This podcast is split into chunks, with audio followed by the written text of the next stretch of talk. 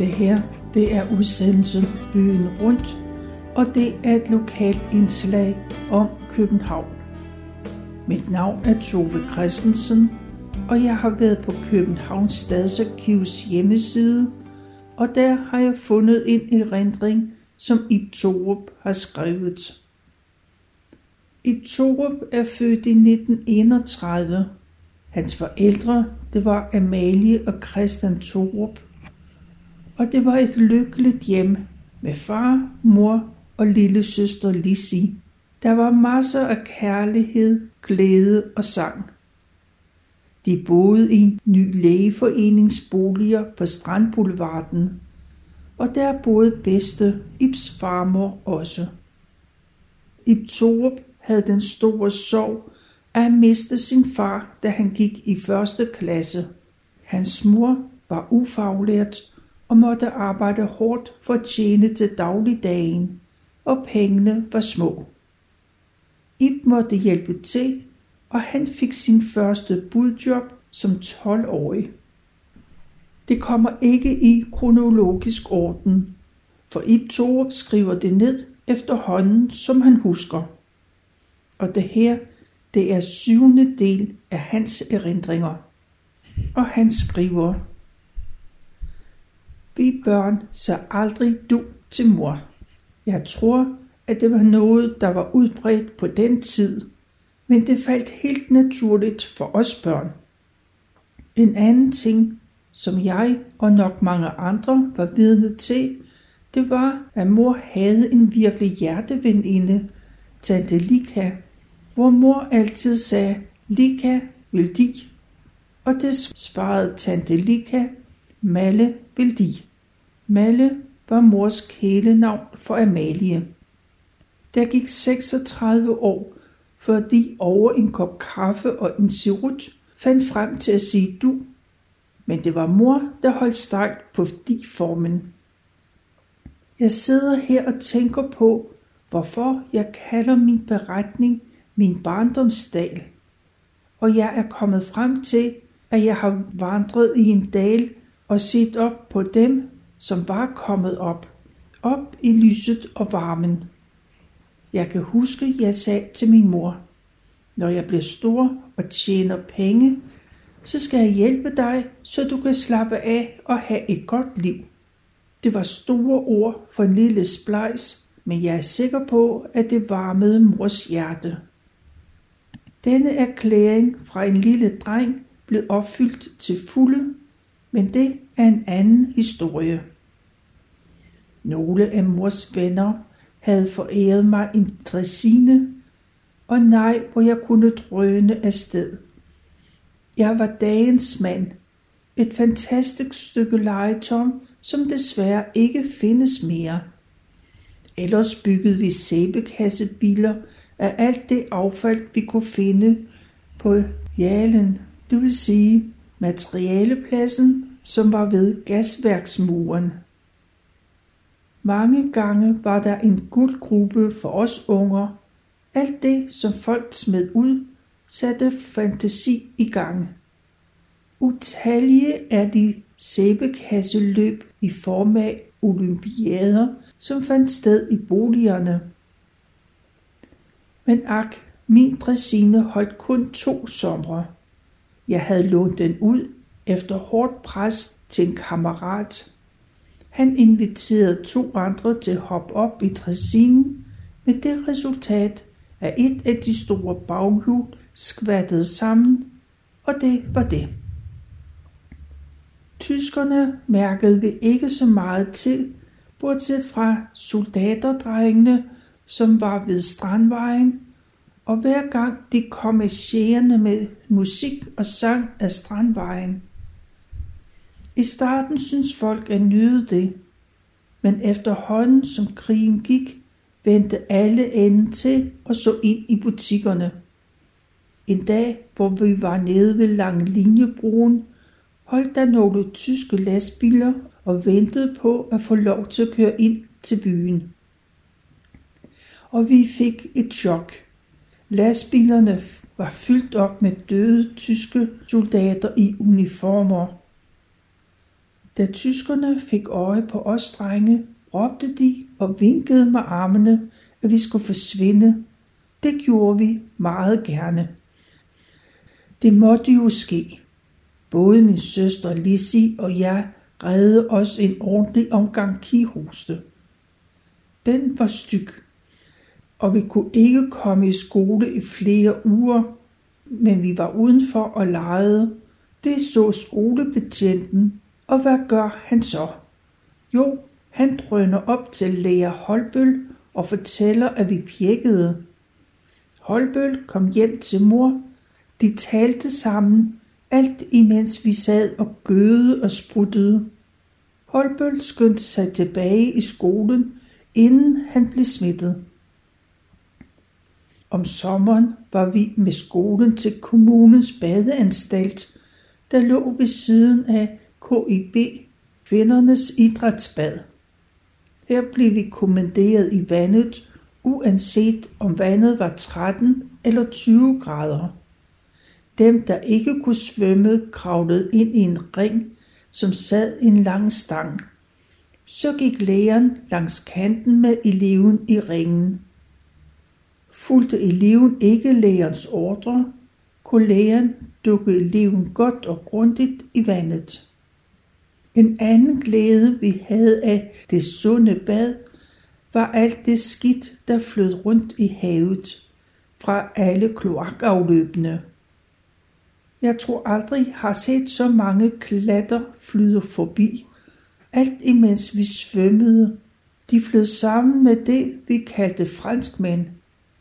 Det var vist noget, de voksne brugte. Der var nok af dem. Vi lavede frøvl over alt det griseri, så blev der endelig sat et hønsenet rundt om badeanstalten. Men det hjalp jo ikke på olien. En af ulemperne ved badeanstalten, det var kokosmotterne, der lå langs kanten. Her fik de fleste af os fodsvamp. Så var det en tur på Finsen og få radiumstråler.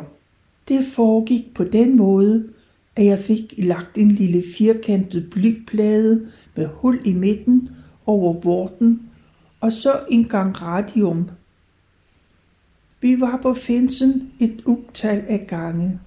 Den ene gang mødte mor og jeg den islandske kæmpe. Han gik og rensede negle med en meget stor kniv.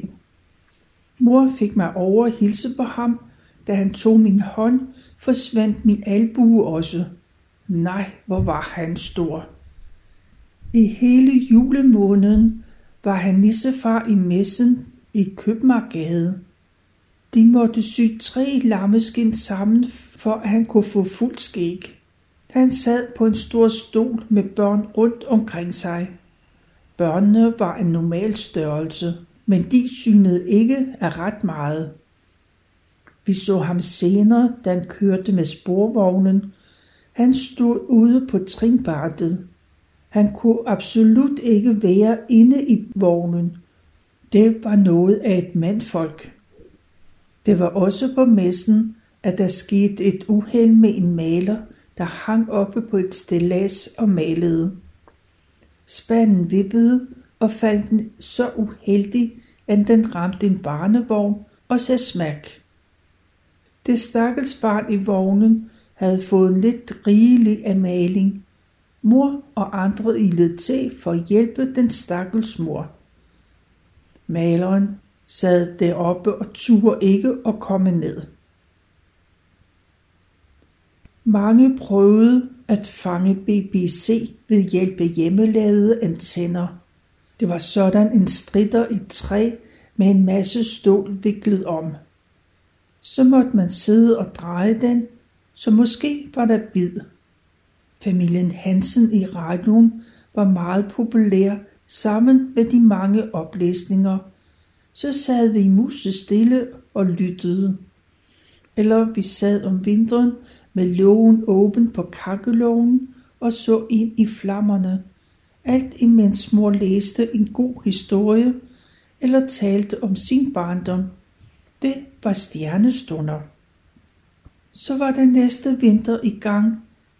Alle børn havde deres kælk fremme. Så blev der lavet konkurrencer. Hvem skubbede hvem? Først rundt på vejene i boligerne.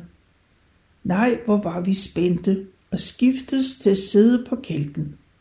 Jeg havde poleret mederne med noget fint sandpapir, så det kørte bare derudad. Der blev bygget snehuler overalt. Nogle af børnene havde nået virkelig store og flotte, men her havde de voksne også hjulpet. Men alle huler var så store, at man kunne ligge på sin kælk og nyde lyset fra sterinlysene. Så blev der fortalt den ene røverhistorie efter den anden, og til glæde for pigerne spøgelseshistorier, så hårene rejste sig på de små hoveder. Tøserne hyldede, og drengene grinede. Men vinteren gav også både ørepine og tandpine, og ikke mindst halsbetændelse. Her var mors skrab, og efter Lissi og min mening absolut ikke sød. Bagefter fatter man ikke, at mor kunne gøre det mod sine børn. Men hjælp, det gjorde det. Det foregik på følgende måde. Ørepine og ørebetændelse. Her varmede mor en kvart stykke rugbrød, så det gloede. Lad et tyndt stykke gage rundt om, og så direkte på øret. Herefter et halstørklæde rundt om hovedet. Vi skreg som små grise, men jeg gjorde det, men øret var lidt forbrændt og det var der salve for. Tandpinen var med en glående vaskeklud og en halstørklæde igen. Så kom det, jeg frygtede mest, halsbetændelse. Her varmede mor en spiseske smør, så det var smeltet, holdt vor hoveder stramt, åbnede munden ind med skeen, så tæt på halsen som muligt, og ned med den glående smør. Hold der helt ferie, hvor vi skreg og hoppede rundt, mens mor forsøgte at trøste os, men halsbetændelsen var væk. Mor havde mange af det, man kaldte gammel konegrod. En vinter havde jeg frost i fingrene, og det er som bekendt noget, der gør nas. Mors råd i den anledning var, at vi skulle tisse på hænderne med frisk morgentis. Det gjorde jeg et par dage i træk, og det hjalp.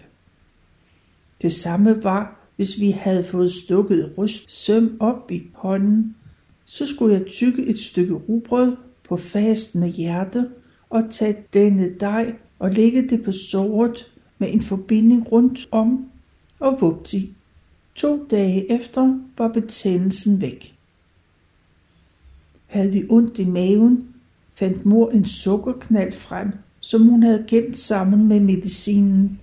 Fat i kamfordråberne og en dråbetæller, og så blev der talt lige så mange dråber, som vi var over, og så bare ned med det. Der var utallige gode råd, når man ikke havde råd til medicin. Mor var meget snarrådig. En dag sad hun og strikkede på køkkentrappen. Der var en lille dreng, der havde fået slugt en bolse, så han var helt blå i hovedet, og hans mor stod og hylede. Mor lagde strikketøjet på trappen, gik stille hen til drengen, tog og vendte ham med hovedet nedad, holdt ham i benene og rystede ham godt og grundigt. Blop, der kom bolsjet. Mor gik lige så stille hen til køkkentrappen, tog sit strikketøj og fortsatte strikningen. Der var ingen grund til at gøre en væsen ud af det. Nå, krigen fortsatte sin skæve gang. Alle manglede rationeringsmærker, og man byttede på livet løs.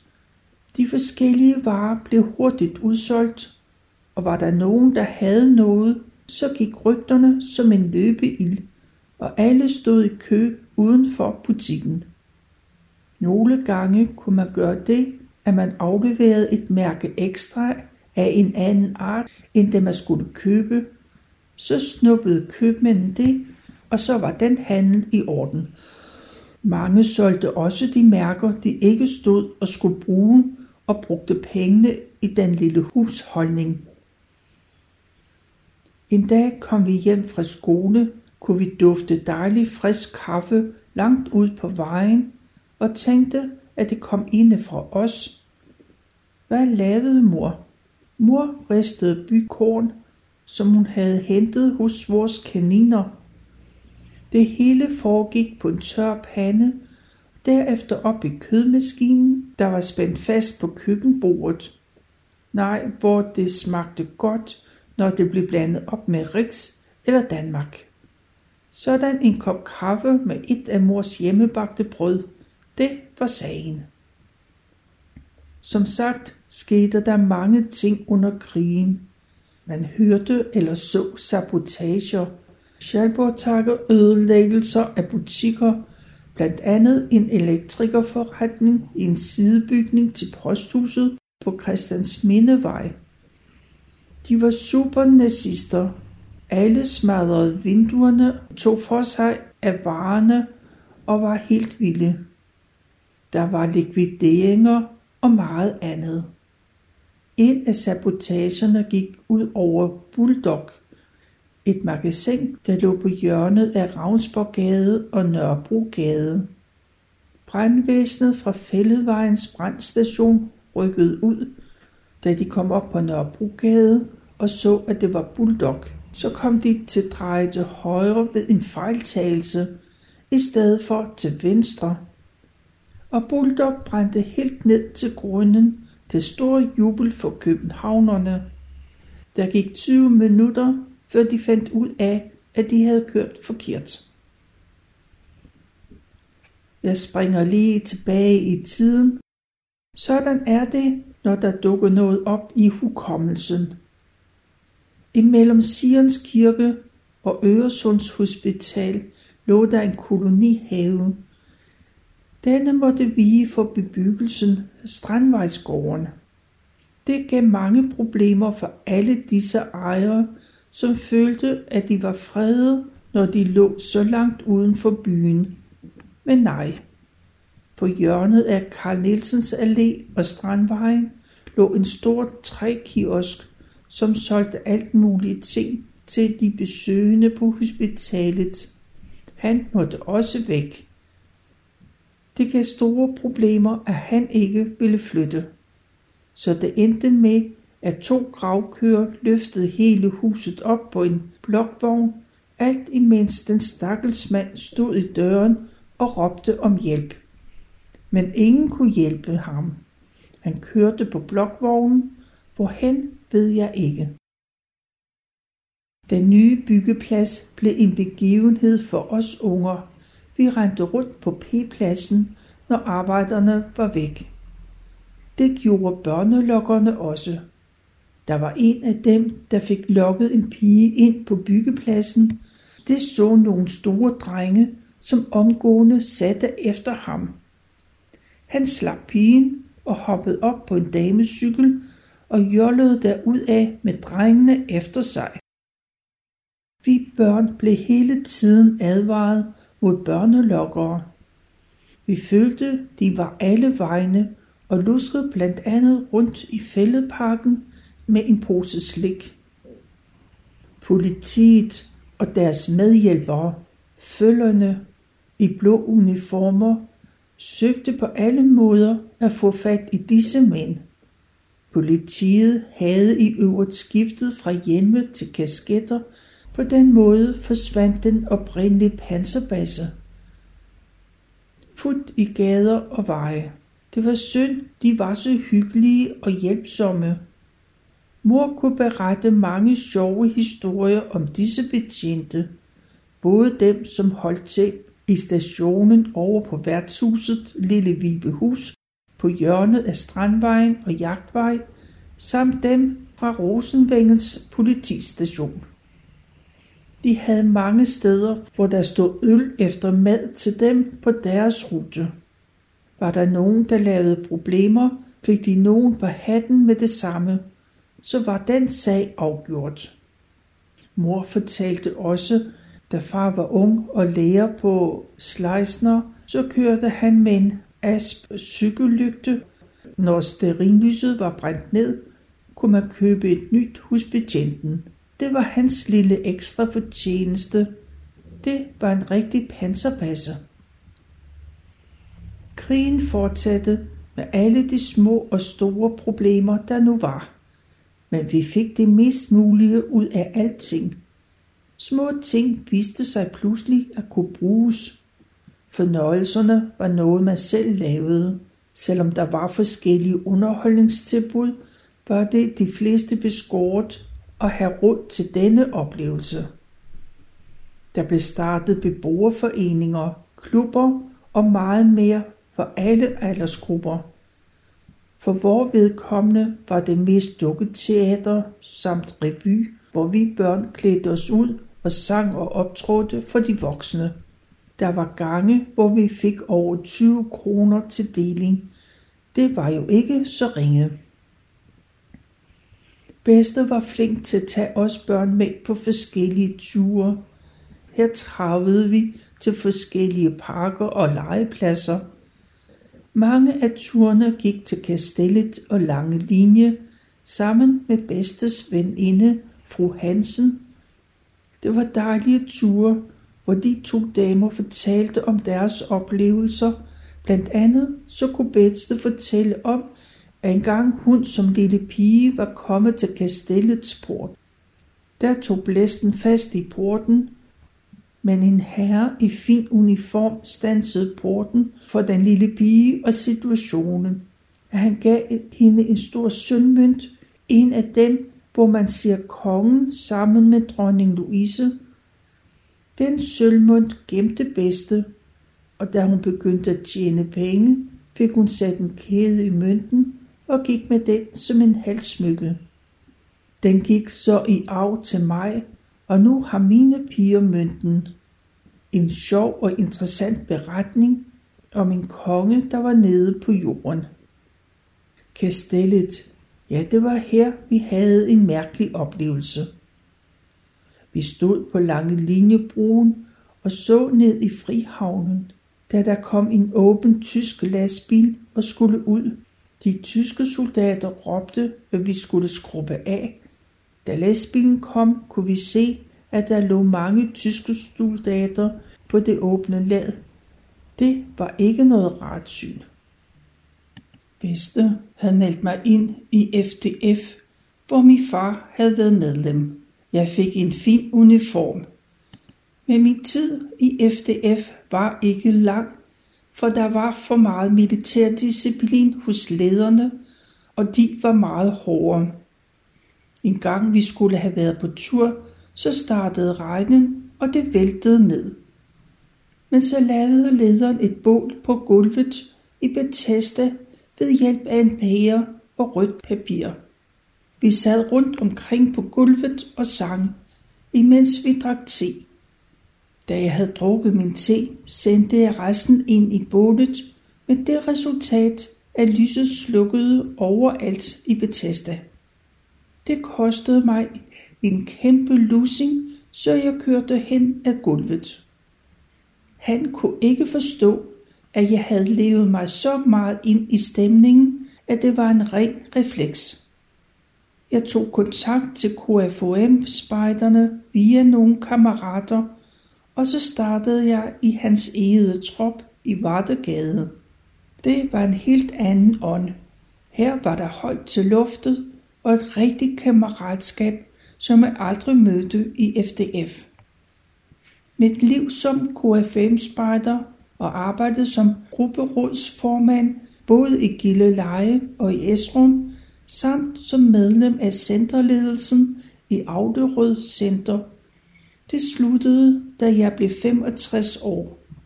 Pragtfulde år, hvor jeg mødte Minna fra pigespejderne og min leder Helge Lind. To vidunderlige kammerater, som senere blev gift og fik pigerne Vibeke og Kirsten.